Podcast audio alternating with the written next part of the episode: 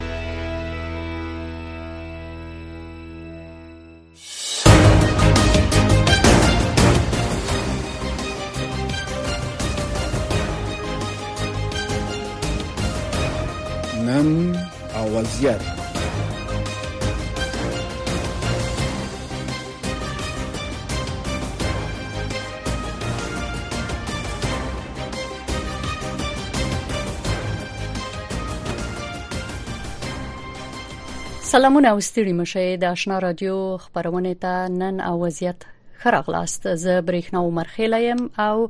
د نن او وضعیت خبرونه ته تاسو قربانایم په دې خبرونه کې ملمنه هم را سره شته چې میلمنه نظیفه جلال جلالی ده او په خبرونه کې به د خزو د اقتصادي مسلو باندې موږ سره خبرې وکړي خو تر هر څه د مخه خبرونه واوري درنو او محترم اوریدونکو السلام علیکم پام وکړئ د دې سات خبرونو ته ویاند غورځنګ طالبانو د افغانستان په تړاو د امنیت د شورا وروستۍ غونډې او د دغه شورا د یوولس غړو له خوا د ټولو هغو لارښوونو چې د ښځو او نجونو د حقونو د محدودیت سبب ګرځي د لغوه کېدو غوښتنې په غبرګون کې ویلي چې د افغانستان په اړه په هره غونډه کې چې د دوی استازی نه وي کومه پایله به ونه لري د طالبانو د حکومت ویاند ذبیح الله مجاهد د رادیو افغانستان سره په مرکه کې چې د طالبانو لخوا اداره کیږي ادعا کړې چې په دغه سغونډو کې کوچني موضوعات د سترو موضوعاتو په توګه مطرح کیږي ذبی الله مجاهد ویلي د افغانستان مهمه مسأله د رسمیت پیژندلو مسأله ده همدا شان د افغانستان سره د عادي تعامل او سیاسي او ډیپلوماټیک پرمختګونو په برخه کې ملګري ملتونه ناکام دي د افغانستان په تړاو یو نظر شتون نه لري د ملګرو ملتونو د امنیت شورا د فبرवरी په 28مه د افغانستان په اړه د تړلو دروازو شاته غونډه وکړه په پام کې وای چې په دې غونډه کې د قطر په پایتخت دوحه کې د افغانستان په تړاو ملګرو ملتونو د عمومي منشي په کوربتوب د غونډې د پریکړو او سپارښتنو په ځانګړي ډول افغانستان لپاره د ملګرو ملتونو د ځانګړي استازي د ټاکلو په اړه خبرې شوې وي د افغانستان لپاره د ایران د جمهور رئیس ځانګړي استازي او په کابل کې دغه هیواد سفیر حسن کاظمی قومي وایي چې دغه هیواد له افغانستان سره په سرحد کې د دیوال په جوړولو باندې غور کوي کاظمي قومي د ایران د اسنا خبري اژانس سره په تازه څرګندونو کې ویلي چې د اوګدو کلونو رئیس افغانستان سره په سرحد کې د دیوال جوړولو وړاندیز تر کار لاندې وو او لمړنۍ طرحې هم بشپړې شوې دي ښاغلي قومي وویل د سرحد د فزیکی محدودیت سرنګوالي لپاره څېړنه د بشپړېدو په حال کې ده ټاکل شوې چې دا محدودیت د سیمنټو د دیوال په شکل اوسي د سترو کارونو په ډله کې دی چې ضرور دی چې تر سره شي کاظمي قمي وویل چې دغسې یو اوږد دیوال جوړول به زیاتو پیسو ته اړتیا ولري خو زیاته کړه چې دا کار ډیر موثر دی د جمعیت العلماء اسلام د ګوند د مشر مولانا فضل الرحمن د تیرې میاشتې د سفر وروسته د جمعیت العلماء اسلام ګوند سین مشر او د حقانیه دارالعلوم نائب محتمم مولانا حامد الحق مشري د پاکستانی دینی عالمانو یو بل پلاوی کابل ته سفر کوي نور تفصيل د نظرانه یوسفزۍ نواوري د طالبانو د حکومت د رسنیو د مرکز او ویاند دفتر لخوا په یوه خبره شوې خبرپاڼه کې ویل شوي چې دغه پلاوی د سه شنبې په ورځ فروری اته ویشتمه په کابل کې د طالبانو د حکومت د ریاست الوزرا د سیاسي چارو د مرستیال مولوي عبدالکبیر سره کتلې دي په دغه خبرپاڼه کې د حمید الحق له قوله ویل شوي چې د پاکستان علما او ولسونه د افغانستان او پاکستان ترمنځ ښې اړیکې غواړي او هیله لري چې د کابل او اسلام آباد ترمنځ په اقتصادي همکاریو سربېره سیاسي اړیکې هم پراخې شي څو دواړو ولسونو ته یې ګټه ورسیږي په خبرپاڼه کې ویل شوي چې مولوي عبدالکبیر دغه پلاوي ته ډاډ ورکړي چې د افغانستان د خاورې نه به هیڅ چاته ګواښ پېښ نشي د یادونې وړ ده کابل ته د پاکستاني دیني عالمانو د دغه پلاوي د سفر د مخکې د روان کال د جنوري د میاشتې په لومړۍ ورځ کې د مولانا فضل الرحمن په مشرۍ د جمعیت علما اسلام د ګوند د مشر په مشرۍ یو پاکستاني پلاوي هم افغانستان ته سفر کړو نظرانه یوسفزۍ امریکا غږ واشنگټن خبرونو ته ادامه ورکوو. د یمن لپاره د متحده ایالاتو ځانګړي استازي ټیم لینډر کینګ د سې شنبه په ورځ د فبرورۍ په 28مه وویل چې په یمن کې ایرانی او د لبنان حزب الله ډلې جاسوسان په نړیوالو کشتیو باندې بریدونو کې د حوثي اغیانو سره مرسته کوي ښاغلی لینډر کینګ د متحده ایالاتو سنا یوې کمیټې په سمایه غونډه کې وویل چې د ایران ملایي دولت د حوثیانو بریدونو ته تجهیزات او اسانتیاوې ورکوي د متحده ایالاتو د جګپوړي چارواکي وویل چې د اعتباري عامه راپورونو څخه معلومیږي چې د پاموړ شمیر ایرانی او د لبنان حزب الله جاسوسان په یمن کې دننه د حوثیانو سره په بریدونو کې مرسته کوي د یمن لپاره د امریکا د استاذ وویل چې تصور هم نشي کولای د یمن ولس په خپل هواد کې ایرانیان غواړي او زیاته کړه باید مخې ونیول شي د غزې په تړانګه کې د مړیو شمیر په داسې حال کې نږدې دېرش زرو ته رسیږي چې د حماس تر کنټرول لاندې دغه سیمه کې جګړه روانه ده او په دې اړه په خبرو بوخت منځګړي وایي چې د اسرائیل سره تر راتلونکو څو ورځو پورې ښایي یو اوربند پلی شي د حماس ادارې د روغتیا وزارت ویلي د اسرائیل په بمبارۍ کې یو نوي نور کسان هم وژل شوي دي د مصر قطر او متحده ایالاتو منځګړي په عین وخت کې هڅه کوي چې په دغه 15 میاشتنۍ جګړه کې د شپږو اونیو وقفه پلي کړي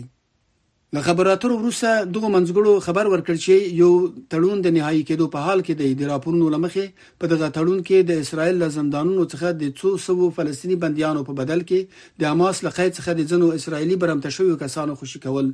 شامل دي دا وو زموږ د دې سات خبرونه.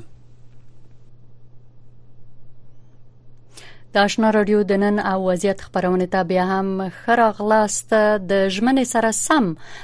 د خزو د حقوقو فعال نظیفه جلالی سره خبرو تکینو میرمن جلالی خبرونه ته خراغلاست د امریکا د بهرنیو چارو وزیر انټونی بلینکن ویلي دی چې د طالبانو په حاکمیت کې افغانستان د کال تر یو میلیارډ ډالر لدی کبله له لاس ورکوي چې خزه په اقتصادي وده کې لوندې محرومي شوې دي دا نوي پروګرامونه چې د امریکا د بهرنیو چارو د وزارت لخوا خزو ته ټاکل شوې دي دا څه ډول پروګرامونه دي او اهمیت یې څه دی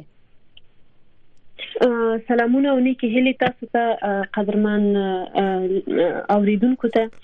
البته مخکې لدینه چې زه راسم دغه برنامه د موثریت او اغیزمنتوب په اړه باندې خبرې وکم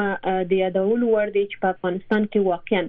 میرمنې خپل سیاسي مشارکت اقتصادي مشارکت چې ډیر زیات مهم دی او تر هغه اندازې پورې چې زموږ شبکه او یا هم زموږ سازمان یو سروې درلودله چې دا سروې تر اوسه پوري نشر شوی نه ده او لا هم لګیا یو چې په جنوبي ولایتونو کې دا سروي تر سره شي په اکثریت ولایتونو کې چې دا تر سروي تر سره شوې ده تقریبا 99% میرمنې خپل کارونه د لاسه ورکړي دي خصوصاً تجارتي برخه کې چې دا سروې هم د مېرمنو د کوچني تجارتونو په برخه کې وه چې یو مثال یې زه تاسو ته ویلی سم چې د دې سروې مطابق په بامیان کې د مېرمنو اکثریت دوکانونه بند سوي دي په بدخشان کې د مېرمنو کاروباري مېرمنو دوکانونه تړل سوي دي په کندهار ولایت کې په غزني ولایت کې او همدارنګه زموږ سروې لا جریان لري تر اوسه تکمیل شوې نه ده نو دا اقتصادي برخه وا مثلا تجارتي برخه ده د میرمنو سیاسي مشارکت دی ټولنیز مشارکت ده فرهنګي مشارکت دی نو دغه مشارکتونو ته په کتو سره چې پر میرمنو باندې د ټول محدود دي ور باندې بنسوي دي نو خامخا به د هیواد په اقتصاد کې چې میرمنې خصوصا افغان میرمنې مهم رول یې لوبول او همدارنګه که چیرته تاسو په جریان کې اوسئ د اتاق های تجارت زنان په نامه دا اورګنایزیشن چې کوم یو راپور یې خبره کړی و دوی ویل چې په افغانستان کې خصوصا په تولیدي برخه کې د لاسي صنایع په تولید کې د وچ میوي په صادرات او وارداتو کې چې دغه پاکینګ او نور مسایل میرمنې په افغانستان کې کولې په دې ټولو کې د میرمنو رول ډیر زیات زیات ده زه فکر کوم په اوسني شرایطو کې که چیرته د ملګرو ملتونو لخوا او همدارنګي هغه نور سازمانونه چې په دې برخه کې سرمایه گذاري کوي او یا هم د بشر دوستانه مرستو ترڅنګ یو مقدار نور فعالیتونه د میرمنو لپاره برابروي دا هیڅ یوې دومره اغیزمنه نشي اوسېدلای په دې خاطر باندې چې میرمنې د اکثریت مشارکت مشارکتونو څخه منع دي محدودیت دی ور باندې او دغه برابریږي په سمه توګه سره دوی استفاده نشي ځینې کولای حتی تاسو پوهیږئ دقیقاً زه نه پوهیږم چې څومره به دا خبره رسنیز شوي لیکن زموږ خپل شبکه چې ځینې آنلاین برنامه یې د جنکیانو لپاره درلودلې په مختلفو ولایتونو کې حتی په هغه باندې بندیزونه لګیدلې دي نو زه فکر کوم چې د خاص اغیزمنتوب به ونلري لیکن شاید د یو محدود وخت لپاره د بشري بحران د کنټرولولو په خاطر باندې یو لار دی تاسو فکر کوئ میرمن جلالی چې دا پروګرامونه په کوم خاصو برخو کې دي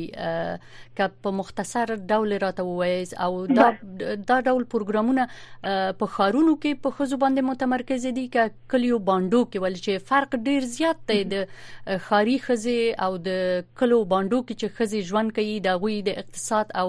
د غوي چې څنګه عواید ترلاسه کوي فرق ډیر زیات دی نو دا پروګرامونه به په خاصه توګه په کومو خزو باندې متمرکز وي ډیره مننه البته تر هغه اندازې پورې چې زه د دوی سره په تماس کې ما او ځینې جلساتو کې دغه موضوع اړوند موږ ګډون درلودلې ده اکثریت د دغه برنامو صحي برخه کې دا چې به له شک په افغانستان کې میرمنې په صحي برخو کې کار کوي خو په اطرافونو کې د یادولو وړ د زه تاسو ته مثال وایم چې هغه ولایت چې هیڅ ډول فرهنګي ستونزه د میرمنو لپاره نه لري مثلا پنځیر د پنجشېر په پریانو کې تاسو فکر وکړئ د هغوی په شپږ کلیو کې دا اوس قابله ګانې نشته دي یعنی اکثریت د دغه برنامو څخه ښاري میرمنې یا هغه میرمنې چې د ولایتونو په مرکزونو کې ژوند کوي دغه فرصتونو ته لاسرسي لري لیکن متاسفانه چې کلیو بانډو کې تر اوسه هم دا بحران جریان لري نو یو صحي برخه شوله او دوهمه برخه تر هغه اندازې پورې چې زه پوهیږم دوی کوشش کوي چې میرمنو ته په کورونو کې مثلا د چرګانو فارم او یا هم مثلا د خیاطي په برخه کې ځینې فرصتونه برابر کړي چې تر هغه اندازې پورې چې باید دا اغیزمن اوسي د میرمنو په ظرفیت باندې کار وکولای سي او یا هم د میرمنو لاسنیوی وکولای سي تر هغه اندازې پورې زه بیا هم دا برنامې موثرې نه ګڼم په دې خاطر باندې چې یو برنامه چې د میرمنو په خاطر باندې وي ظرفیت یې باید په هغه کې جوړ سي هغه باید مکمل لاسرسي ورته ولري او ټول میرمنو ته یو رقم وي یو بل ستونزه دا ده چې په افغانستان کې چې هر برنامه زی د ولایتونو په سطحه باندې دا فرق کوي، مثلاً ځینې برنامې په کابل کې تطبیقېږي، په قندهار کې د تطبیق حق نه ورکول کېږي او حتی هغه اسناد یا مکتوب چې د وزارت اقتصاد لخوا د کابل نه قندهار ته ځي، هغه قندهار کې د ریاست اقتصاد او د مقام ولایت د منلو وړ نه دي چې همدغه برنامه موږ خپله تجربه کړې ده، خپله همدغه پروژې چې موږ په افغانستان کې تطبیقوو، په دې برخه کې متاسفانه چې همدغه مشکل سره موږ مخامخ یو. یا د مثال په ډول کله چې د بدخشان د مرکز څخه یو مکتوب د یو پروژې د تطبیق لپاره ځي ولسوالۍ ته هلته په ولسوالۍ کې ولسوال هغه مکتوب نه مني یا همدا رقم د مختلف ولایتونو څخه چې کوم راپور راځي یا د وزارت اقتصاد اړوند موضوع دا چې کله کابل ته راځي همدغه سي مشکلات لري دغه مشکلات په خاطر باندې حتی هغه برنامه چې یوناما او یا هم آی او ایم یا ځینې نور سازمانونه یې په افغانستان کې ترسره کوي متاسفانه هغه شفافیت چې باید په پروسه کې وسی یا هغه درست تقسیم چې باید د ولسوالیو په سطح د کلیو په سطح او د شهرونو په سطح باندې وسی متاسفانه چې هغه سنې کیږي نو تاسو په نظر اول باید تر ټولو د مخه دغه خندونه چې تاسو یادونه وکړه د کلیو بانډو د خارونو فرق او د نور مسایل باید حل شي او بیا پسې دا پلی شي تاسو فکر کوئ چې کېدای شي دغه دغه اختلافات رفع شي مخکې د دینه چې دا پروګرامونه عملی کیږي بله دقیقا کله چې موږ تاسو یو پروژه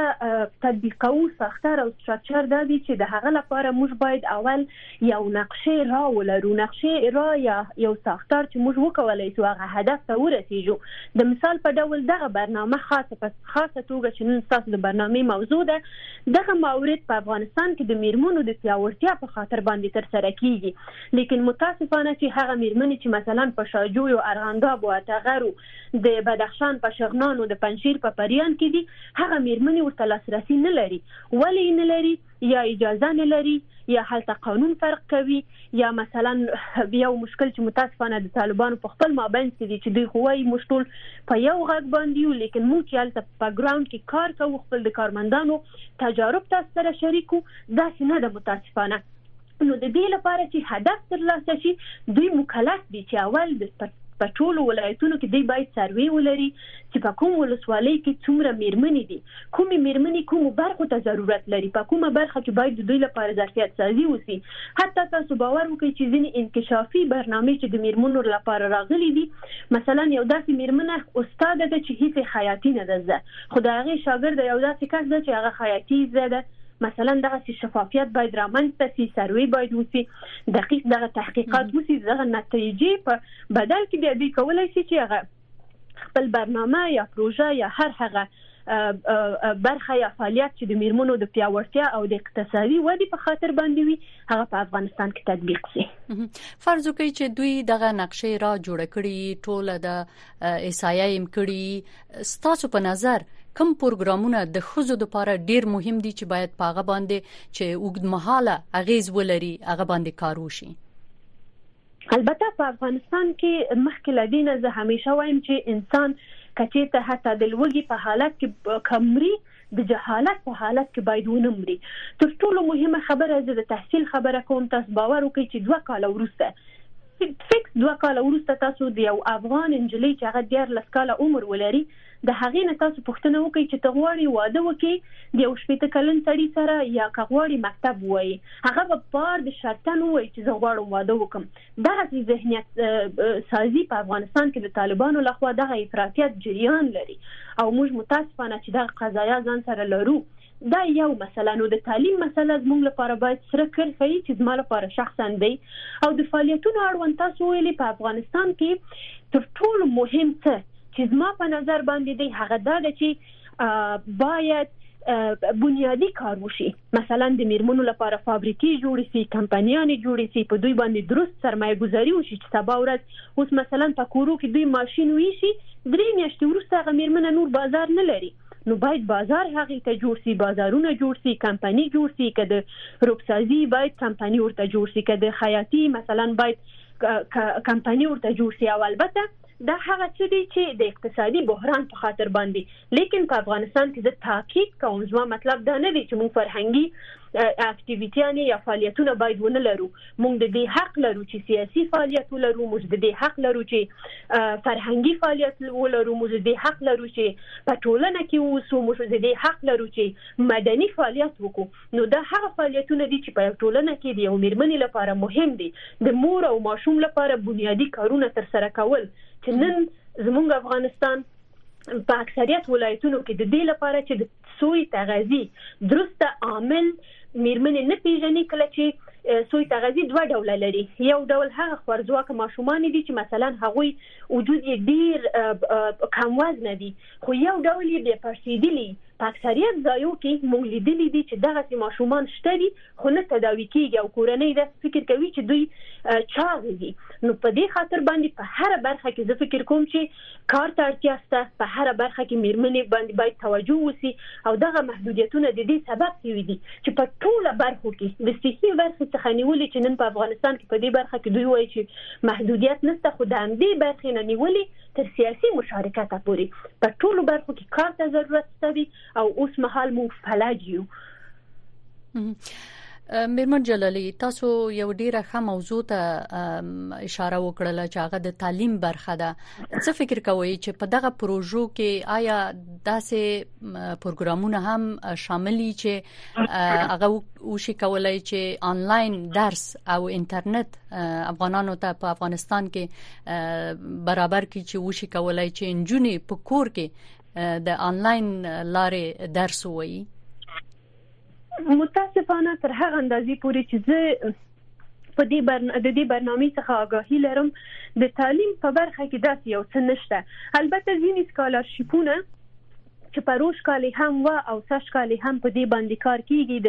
سازمان ملل متحد د یو کمېټې له خوا او همدارنګه ځینې سازمانونه چې په دې برخه کې کار کوي یا ځینې نړیوال انسټیټیونه لیکن هغه ډېر محدود دي لیکن د دغه پروسې اړوند تر هغه اندازې پورې چې زه خبر یم او جریان کې یم متاسفانه چې داسې یو څه ما ونه لیدل او وامې نه اورېدل په دې جلسه کې نو که چیرته په محت... په لا بلا دی اجنډا کې په دې باندې دوی بحث کړي یا په یو بیل مجلس کې په دې حق لا باندې زه څه نسم ویلي لیکن تر هغه اندازې پورې چې د دوی هغه کانسپټ ما لوستلې ده او د دې پروژې څخه زه آګاهي لرم د دې مواردو څخه متاسفانه چې د تعلیم په برخه کې داسې یو څه نشته دی او که چیرته این ما آن بدای چې طالبان د تعلیم په برخه کې اجازه نه ورکوي. بیا هم دلته زه خپل شخصي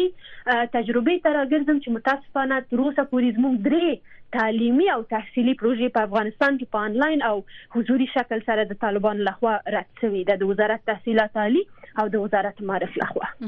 څومره خوشبینه یاستئ چې طالبانو به دغه پروژې یا دغه پروګرامونه چې د امریکا د بهرنیو چارو له وزارت لخوا جوړیږي افغان خوځو ته هغه سره مخالفت ونکړي البته زه زه فکر زه هیڅ خوشبینی نه لرم متاسفانه په دې خاطر باندې چې مونږ او تاسو وینو کله چې یو یو ډله چې هغوی حاکمیت کوي په افغانستان باندې او هغوی په دوه نیم کالو کې نشي کولای کله خپل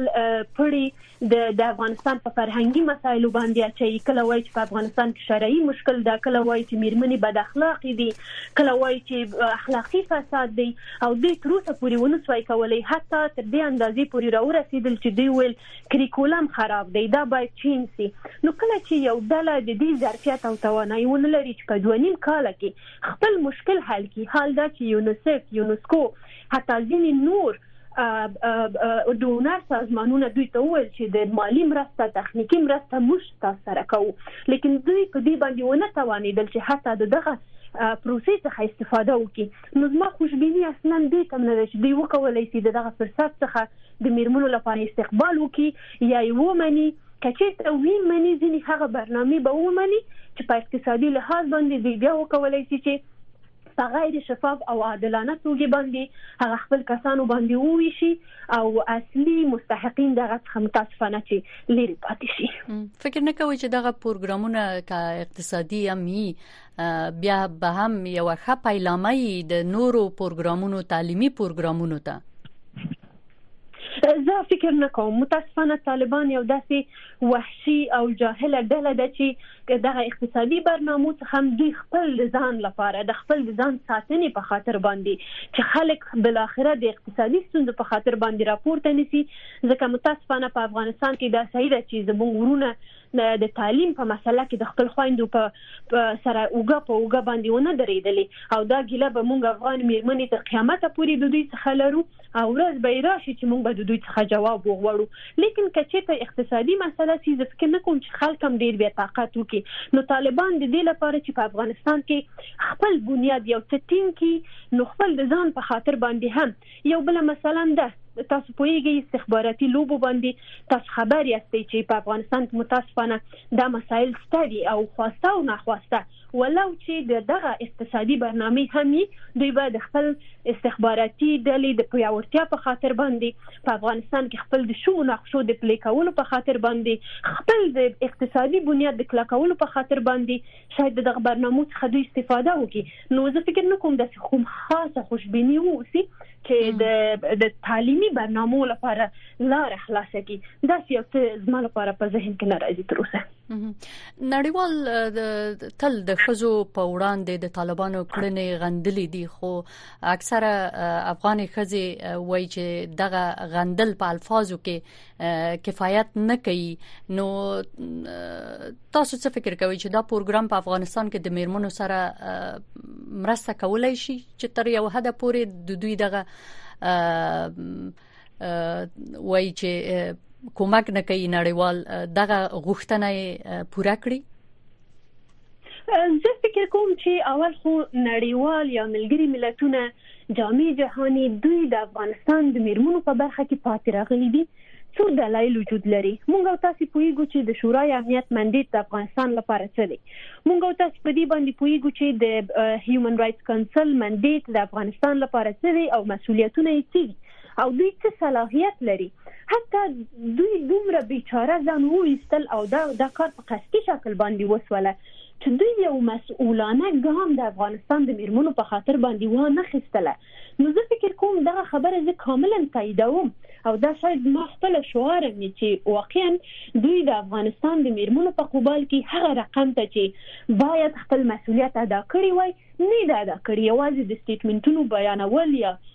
ویل یا یوازې د راپورونو خبرول دا خو د یو ملت درد نسی دوا کولای کچې ته دوی واقعا غوښتلی چې سیاسي فشار په طالبانو باندې راوړي نو ولې د د طالبانو نمایندګان تر برلینه پورې ورسېدل ولې هغوی تر هالنډه پورې ورسېدل په کوم دلیل باندې راځي دلته په عامه باندې دوی خپل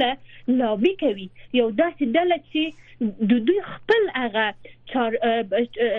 چارراته چې د هغه پر د هغه قرارداد ته چې سازمان ملل متحد په هغه قرارداد باندې ولاړ ده جوړ ده حتی هغه طالبان رد کوي ولې دوی پالیسي بازۍ کوي، دوه مخي کوي او د هغوی نمایندګان حتی راځي په جرمني کې ځان ته لابي کوي، نو د افغانستان میرمنې ملامتې نه دي. نو پاتې سوله د دغه موضوعاتو چې دا به څومره د افغانستان زه فکر کوم چې ما وویل دا به هم صحیح ده چې د بشري مرستو د داسې برنامو او پروژو لیږل افغانستان ته په دې شرایطو کې دا د سازمان ملل متحد د دندو څخه ده او هغوی مکلف دي چې دا کار وکړي ځکه هغوی منډیټ لري هغوی مسولیت منلی ده او هغوی باید دا کار وکړي یعنی دا هغوی وظیفه ده لیکن دا چې سیاسي بحران نه کنټرولوي او هغه سیاسي ابیوز چې طالبان یې کوي هغه نه کنټرولوي دا زه فکر کوم یو ډیره بیله مسله ده او که چیرته هغه سیاسي بحث ته زه من حیث دی بشري حقوقو د مدافع داخلي کوم بیا دا بحث ډیر اوګدیږي ځکه دلته بیا د قدرتمن هیوادونو مېرمن جلالي سیاسي مېرمن جلالي که یو بل پښتنه تم ماته جواب راکړي د طالبانو حکومت دایم د ادعا کړې ده چې خزته د شریعت په چوکاټ کې حقونه ورکړي دي او همدارنګه دا ادعا کړې ده په وار وار چې افغانستان کې سوداګرو په ځانګړي ډول خزینه سوداګرو ته د سوداګرۍ زمينه برابره کړې ده ستاسو په نظر اوسنۍ حکومت مېرمنو ته په کومو برخو کې سوداګري